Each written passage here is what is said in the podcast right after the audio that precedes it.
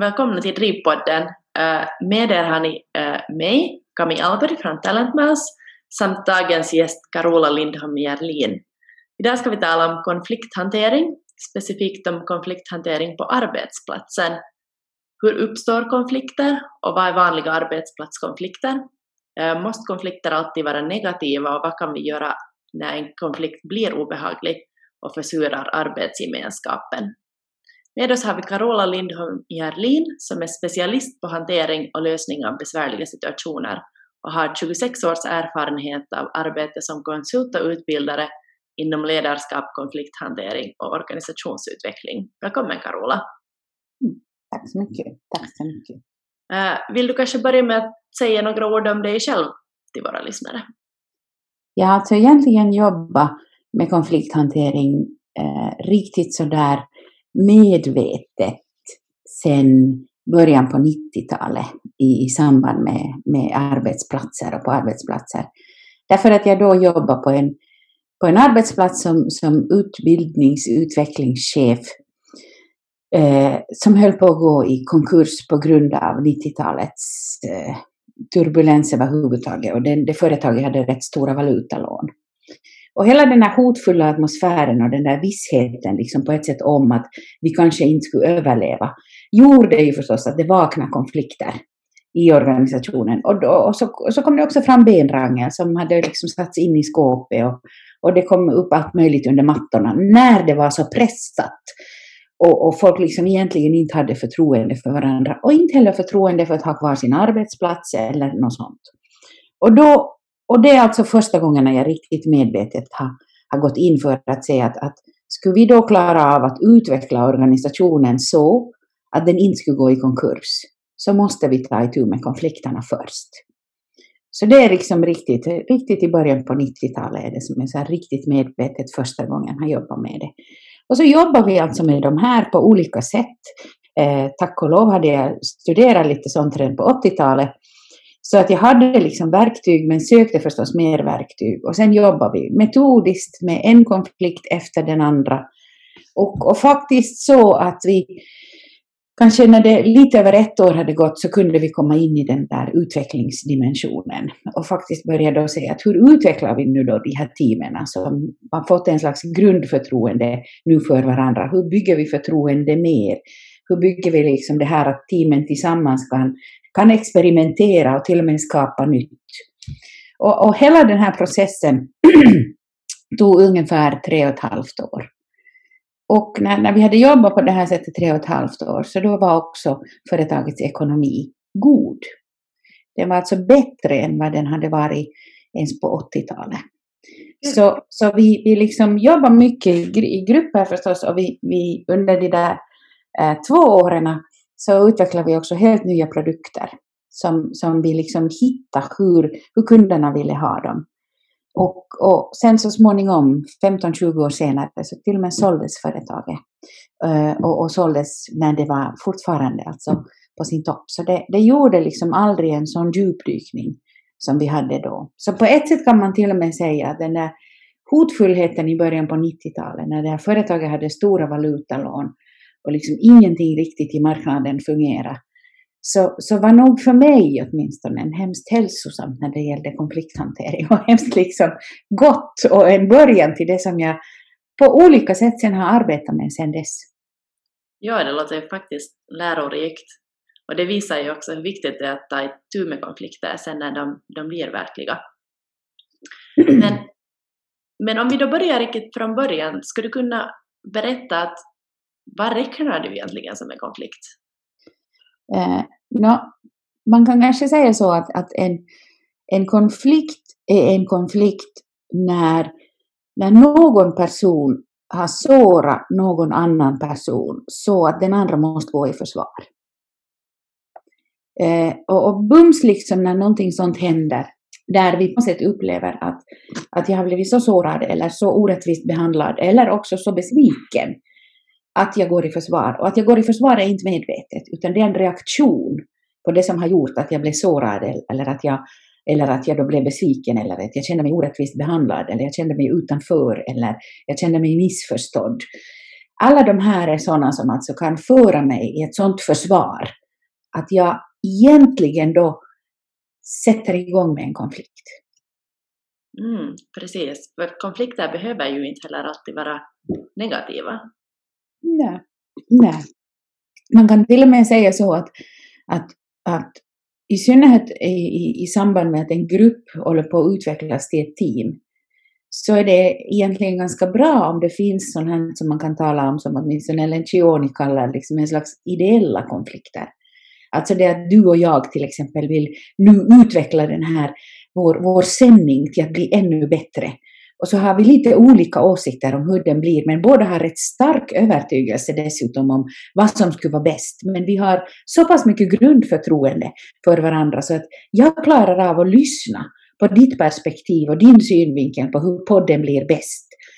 Och du klarar av att lyssna på min synvinkel och mitt min liksom perspektiv på hur podden blir, blir bäst. Och då är det att vi, vi vill att podden ska bli bäst. Trots att vi har ganska, till och med kan ha diametralt ganska o, o, olika synvinklar på hur den blir bäst, hur vi lyckas. Men när vi har en slags gemensam inriktning på det, på det vi vill, och den är på något sätt ens utmanad, eh, uttalad, ursäkta, så kan vi egentligen gestalta varandras till och med diametralt olika liksom, synvinklar på hur ska vi göra. Och, och då kan vi utmana varandra. Och det är helt likt en konflikt. Utmaningssätt är liksom helt lite en, en konflikt.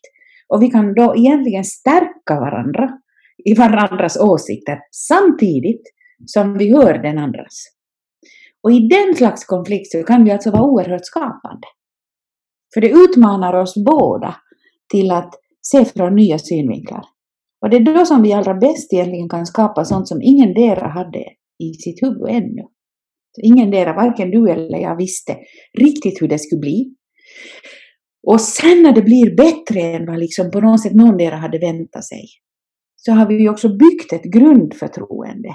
Alltså vi har byggt på, på förtroendekapital så att vi kan ha en liknande konflikt på nytt och till och med kanske njuta av det. Inte kanske just då när den är på gång, som mest, när vi som mest utmanar varandra. Men så länge liksom en konflikt eh, hålls i det att vi utmanar varandra, att den blir liksom ideell, att vi ändå, på, ändå klarar av att lyssna och gestalta den andras liksom uppfattning och den andras bild och hur den andra bygger liksom sitt perspektiv, sin gestaltning, så, så är konflikter faktiskt bara bra. Ja, intressant. Jag tror att, att det som du sa här tidigare, att eh, det bygger jättemycket på förtroende. Jag tror att, eh, att det är säkert en, en sådan grundsten där i att, att ha positiva konflikter. Jag tror att vi kan, vi kan kanske gräva in i det lite, lite senare. Jag undrar att, att vad är då liksom um, vanliga arbetsplatskonflikter, inte kanske de mera sådana här positiva, men sen när de blir eh, mera negativa och obehagliga och, och skapar liksom konflikt mellan människor. Vad är, vad är liksom på arbetsplatsen sådana som, som du ser ofta? Man kan, man kan gradera dem till och med. Så att om jag börjar med den som är på ett sätt liksom en slags utgångspunkt för, för nästan alla konflikter som, som bygger på ett sätt på problematiska situationer, så är det att, att jag på något sätt uppfattar mig orättvist behandlad. Mm. Orättvisa är någonting som bums för mig i försvar. Och då kan det räcka med, med liksom det att, att jag uppfattar att jag inte får semester någonsin då som jag borde få. Och du får alltid semester i, i juni eller juli. Och jag har min alltid i maj och augusti. Och, och vi har liksom sådana såna, såna system här att, att alla lediga dagar och helger och allt sånt här, så de som har barn, de får, liksom, de får alltid dem. Att vi som inte har, vi får liksom inte. Och vi blir orättvist behandlade. Och då alltså om det finns redan en i en arbetsgemenskap som uppfattar att någon av de här resurserna, och då är ofta tid, alltså semestertid, är den resurs som, som oftast upplevs liksom mest orättvis. Vi, vi klarar till och med löneskillnader bättre. Och, och, och, andra liksom resursskillnader. Men, men ofta blir det liksom så att därför, det kan finnas det just att vi har olika lön, vi har lite bråttom, vi har inte tillräckligt med personalresurser, Vi, har liksom, vi, vi hinner inte riktigt med det vi vill. Och så kommer det ut på den där semestern som jag liksom aldrig får när jag vill och du får alltid när du vill. Och så, och så blir jag alltså upprörd. Och då, har vi, och då kan det till och med vara så att jag är alldeles speciellt upprörd på en person. Och då är det bästa också om man tänker liksom lösning, om det är en sån här konflikt, så är att, att då går Camilla och Carola och talar sinsemellan. I lugn och ro. Om den här liksom konflikten som de har mellan sig. Och även om det gäller semestrar så är det ändå du och jag som talar, för det är mest det jag är arg på. Men sen överlag så kan man säga att när det gäller just resursfördelningar så det är då vi upplever mest orättvisa. Och då att de är tydliga, klara, genomskinliga eh, och att man följer upp, liksom att, att uppfattas det här fortfarande rättvist? Ska vi ändra på någonting så att alla uppfattar det så rättvist som det är möjligt? För så där 100% rättvist tror jag inte ens att det, att, går, att det går att göra någon sån här resursfördelning. Men det är att vi, vi liksom uppfattar att det är tillräckligt, att jag klarar av att leva med det. Och man, om man tar ett riktigt klassiskt exempel på, på resursfördelning så det är det när man har två systrar eller syskon och så, så ska de dela en bulla eller äpple eller något som helst. Men vi tar nu ett äpple. Och så, så för att man då riktigt ska vara rättvis så, så den ena systern delar äpplet och den andra får välja vilken bit den tar. Då liksom börjar vi ha liksom en slags sån här rättvisa. Nu är den, den liksom exemplet inte alltid fungerar i arbetssammanhang, utan då kan man mera tänka att man är mycket tydlig med hur, hur bygger vi upp våra liksom lagar, eh, så att säga, våra normer, våra överenskommelser, spelregler för hur vi fördelar resurser. Och resurser är alltså det att, att resursfördelningen upplevs rättvist är en nyckel för att inte ha så mycket konflikter.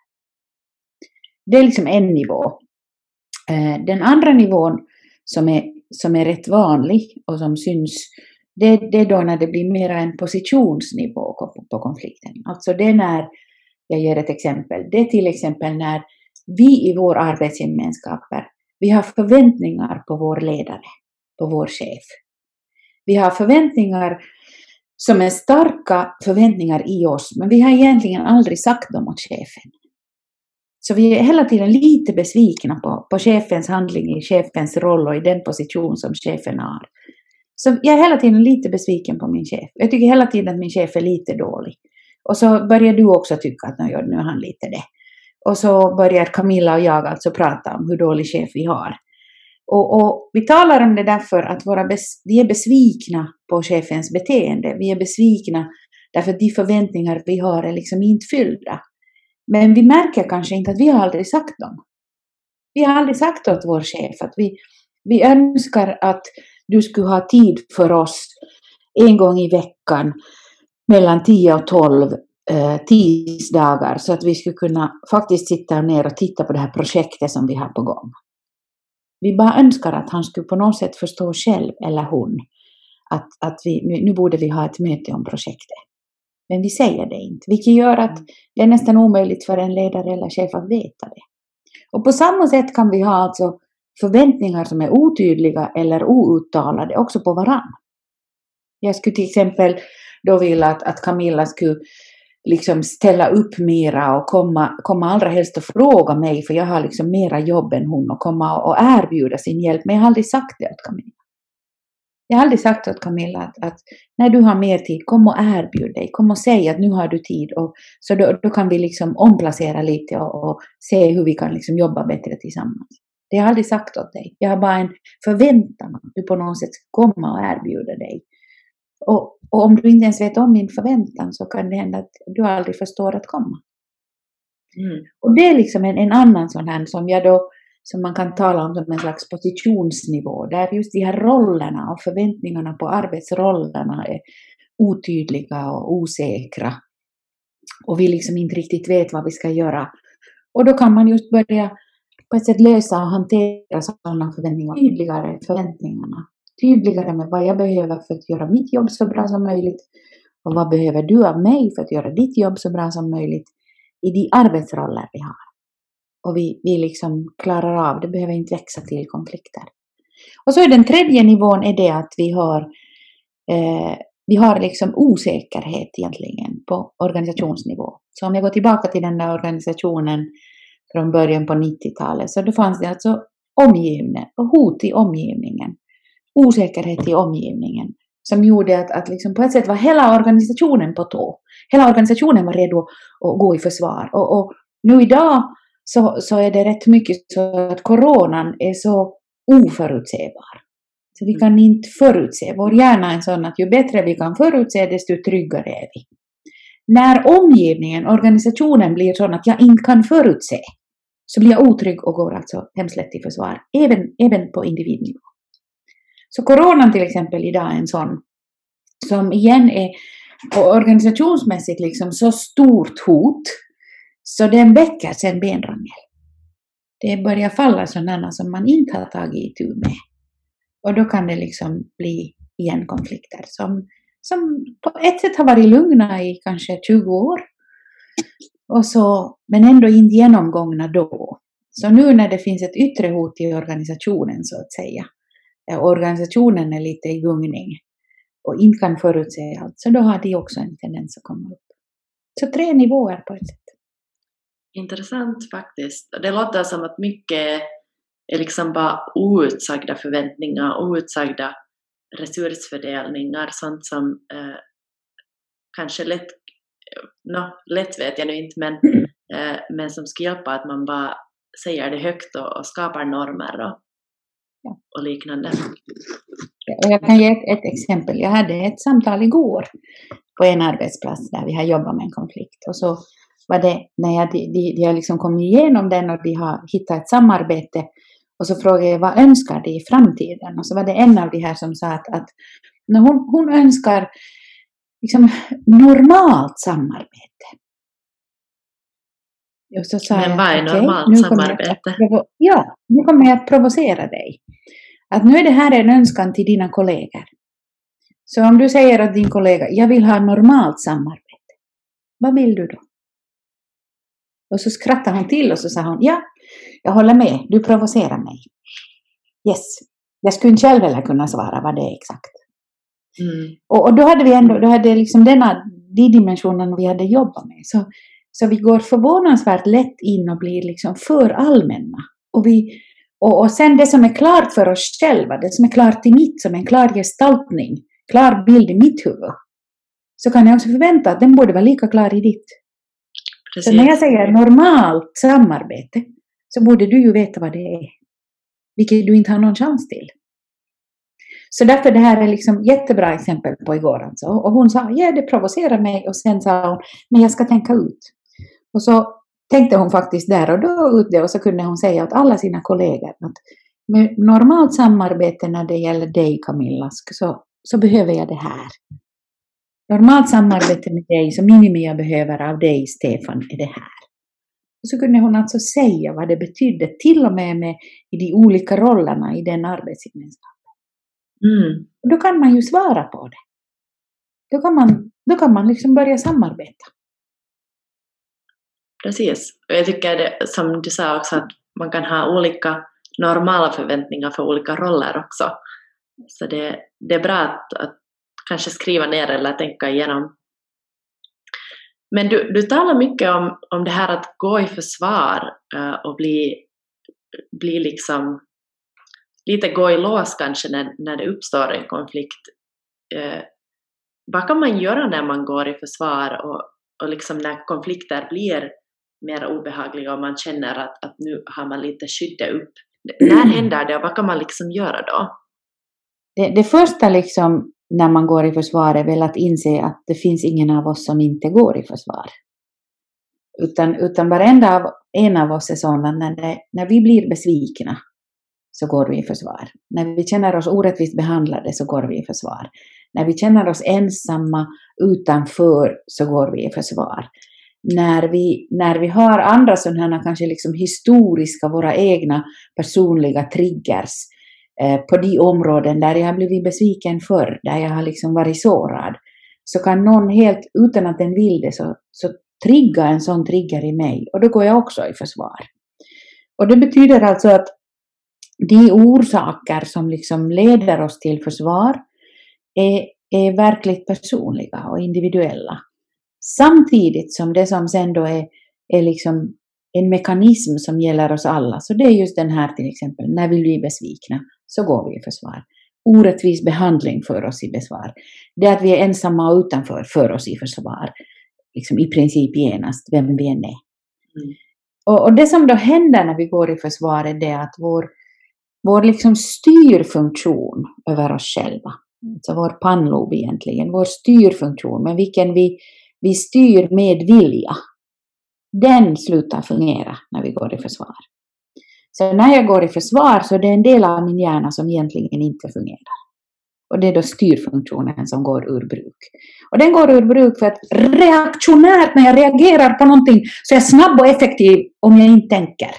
Mm. Så i princip försvinner tankeförmågan. Och så är det liksom reaktioner, känslor Eh, och ett liksom reaktionärt mönster som tar över. Och då gör jag sånt som jag inte vill göra. Jag säger sånt som jag inte vill säga.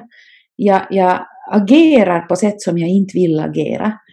För jag kan alltså inte just då styra mig själv. Och det kan ingen av oss. Och då är alltså första sättet att komma ur den här situationen där jag inte kan styra mig själv och där jag till och med gör sånt som jag inte vill, så är egentligen att stanna upp.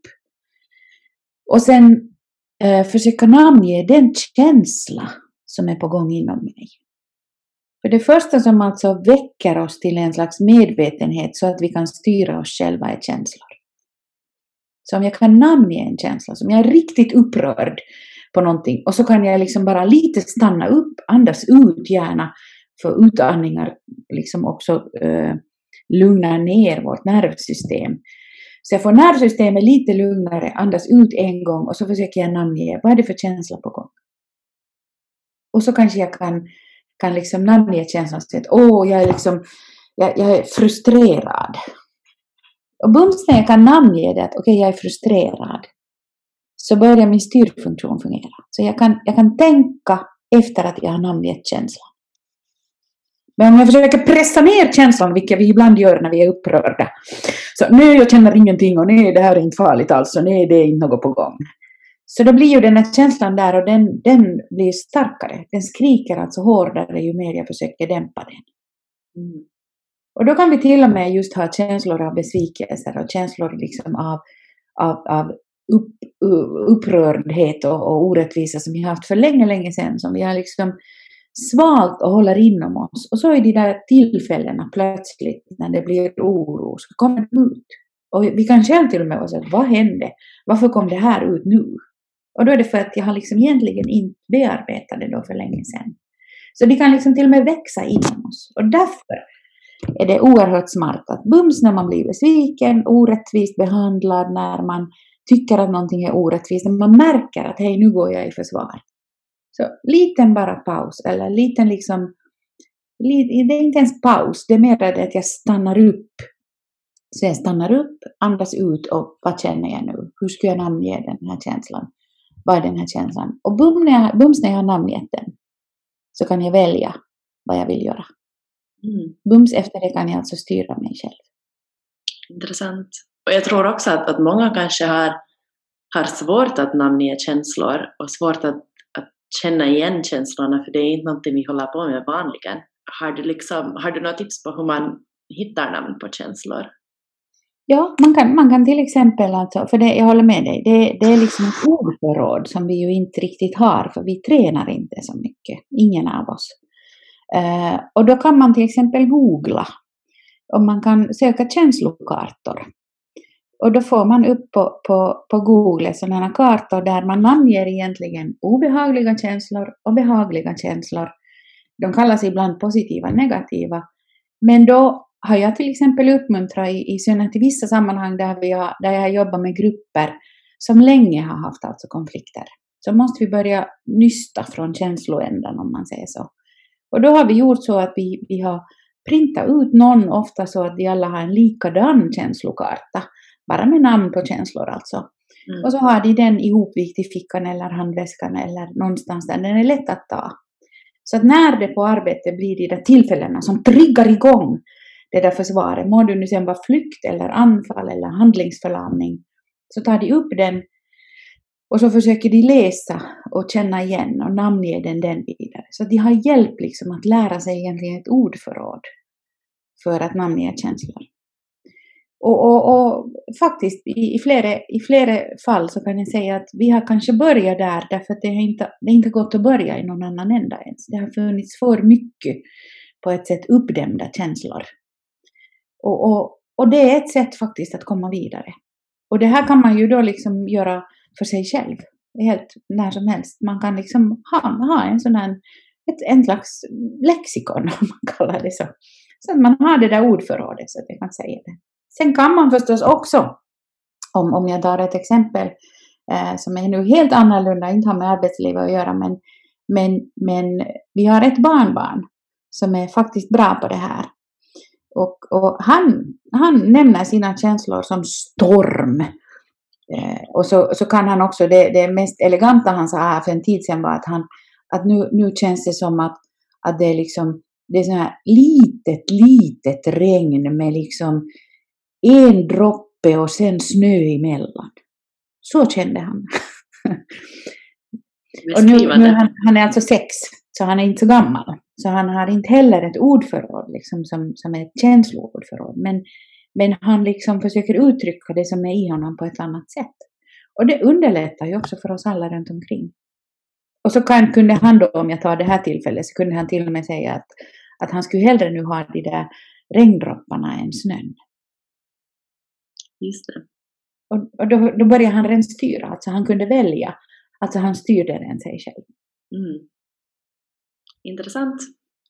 Ja, det är ju, finns ju många sätt att beskriva känslor. Visst är det bra ibland att ha, ha samma ord äh, och samma ordförråd så man vet, man vet att man är på samma plan.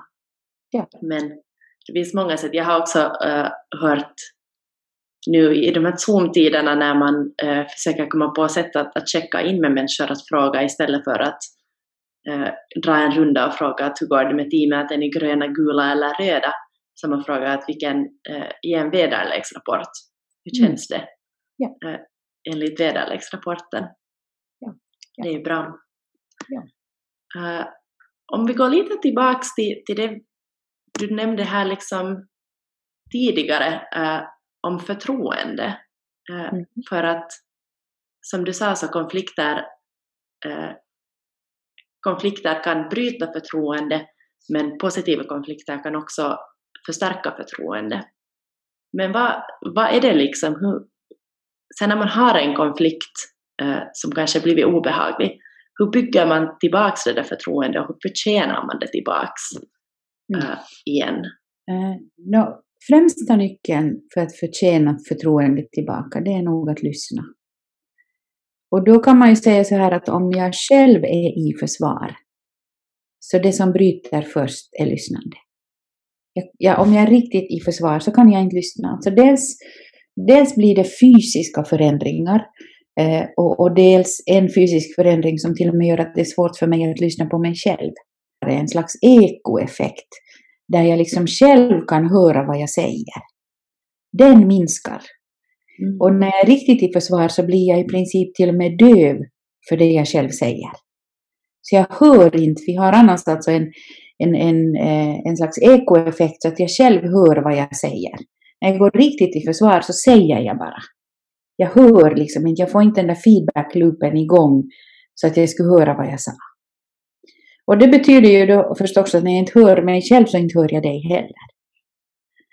Och, och därför blir alltså det som är sättet att, att förtjäna förtroende på nytt när det har, har, har försvunnit och arbeta sig fram till det, det är egentligen via lyssnande.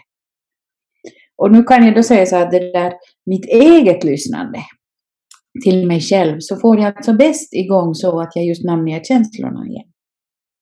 Så att jag liksom kan namnge den där känslan, kan kanske titta på den där situationen där, där, där på det som hände i den där situationen när jag gick i försvar.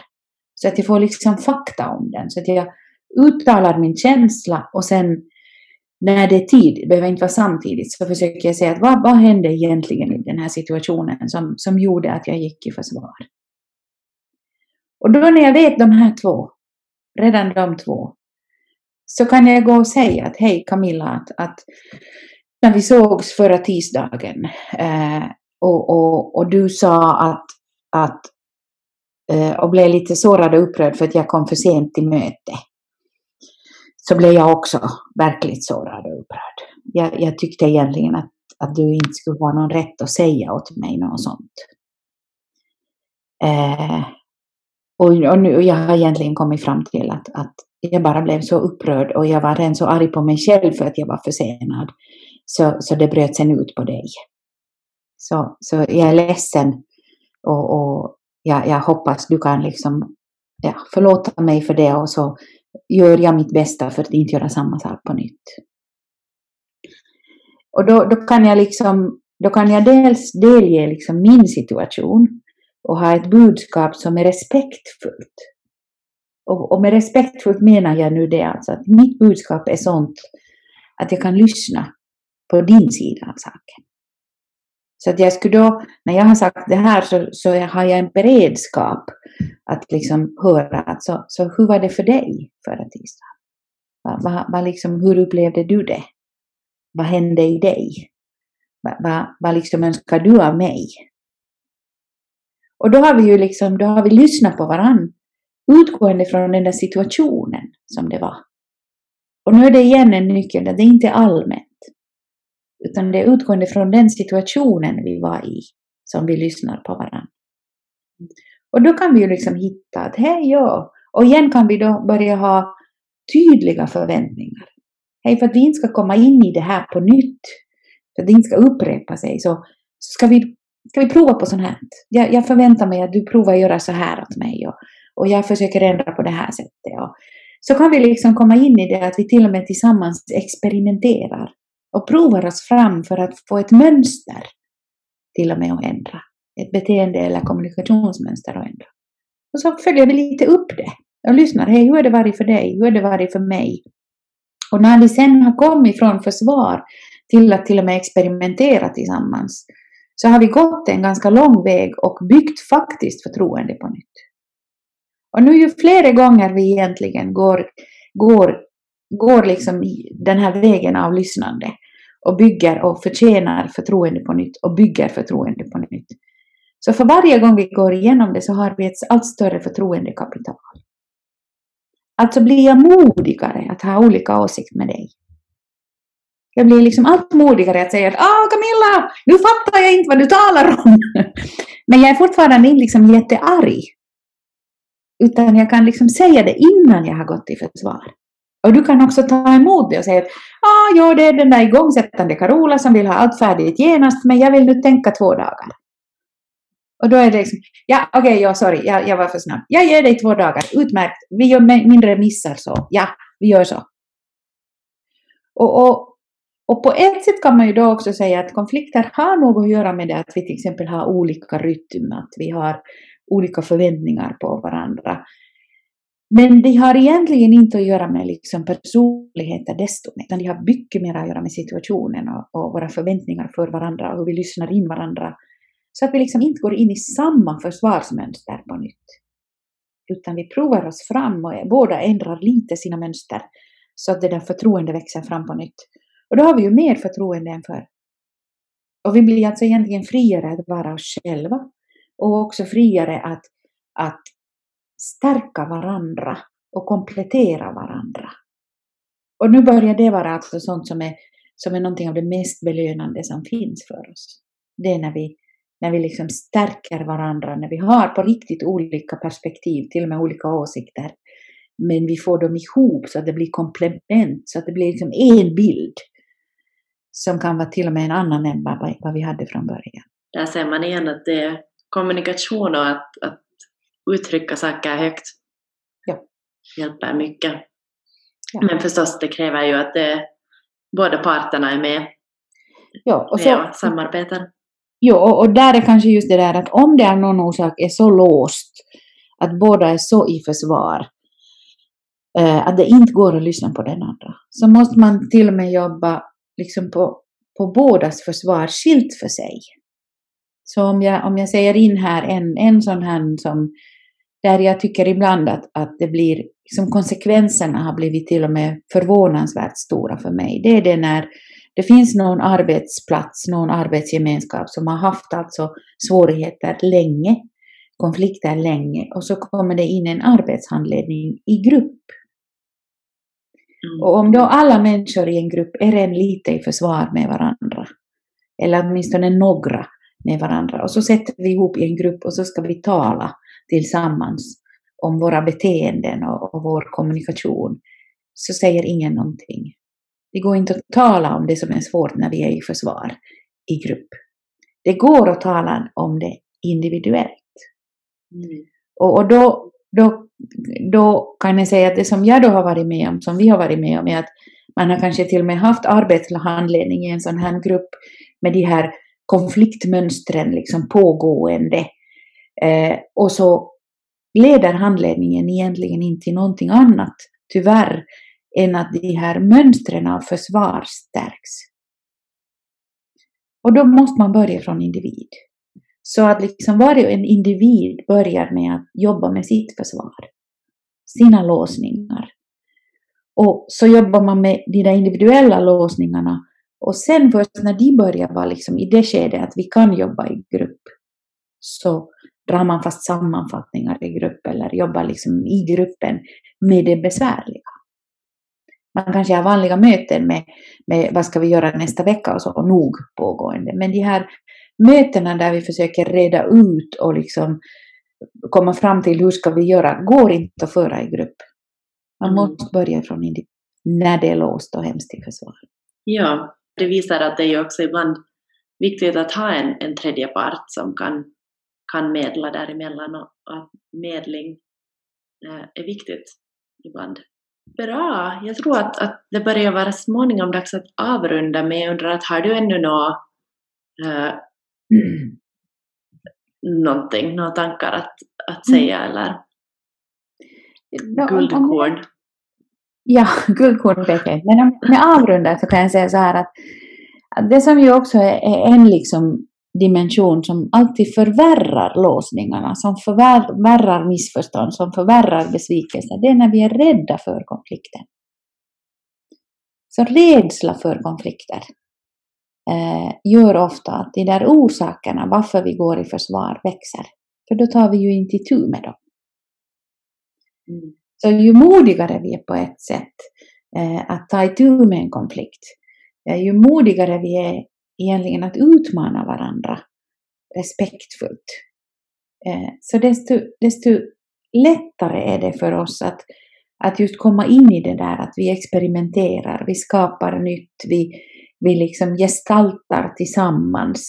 Där, där det inte är samma bild, utan det är faktiskt är var och en individs bild som påverkar de andra individernas bilder så att vi får en gemensam gestaltning av vem vi är och vart vi är på väg och varför vi finns och sånt. Så, så rädslan för konflikter, den, den gör också ibland att det kommer konflikter. Och då liksom att man tar itu med de där besvärliga situationerna innan de är konflikter. Utan att ha bråttom, utan att stressa. Men nog så snabbt som möjligt ta i dem. Så växer det inte. Men om jag inte tar i dem av rädsla för dem, så växer det nog till en konflikt. Precis, och det, konflikter löser ju löses ju inte heller genast på en dag. Men man måste ju bara börja någonstans ja. Ja. för att ta itu med dem. Ja, och det är ju kanske därför också som det är sådär att besvärliga situationer kan vi lösa genast. Mm. Nästan. Så kanske inte genast när den är på gång, men, men just det där att jag lite andas ut med min känsla, vet vad exakt som hände från min synvinkel sett, kan komma till dig och säga att hej, just när vi talar så hände det här i mig. Va, vad hände i dig? Och så, och så är det bums över. Vi kan liksom båda styra oss själva. Och det blev aldrig någon konflikt. Det var en lite besvärlig situation och det var ett besvärligt budskap jag behövde ge. Men den växte aldrig. Och sen när de har vuxit under många år, det, det är då man förstås, sådär som nu som jag sa, att om det sen finns i organisationen, i omgivningen, någonting som är hotfullt, så har de en tendens att skramla sig fram från skåpen. På den positiva noten så tror jag att vi kan börja avrunda. Tack Carola jättemycket för att du kunde komma och tala med oss. Det har varit väldigt intressant. Tack alla lyssnare för ert intresse. Jag hoppas ni tycker att det har varit en lika givande diskussion som, som jag. Och jag hoppas att alla har fått nya insikter från vårt samtal. Tack Carola! Och så säger vi hej då till nästa gång. Hejdå. Ha en skön vecka.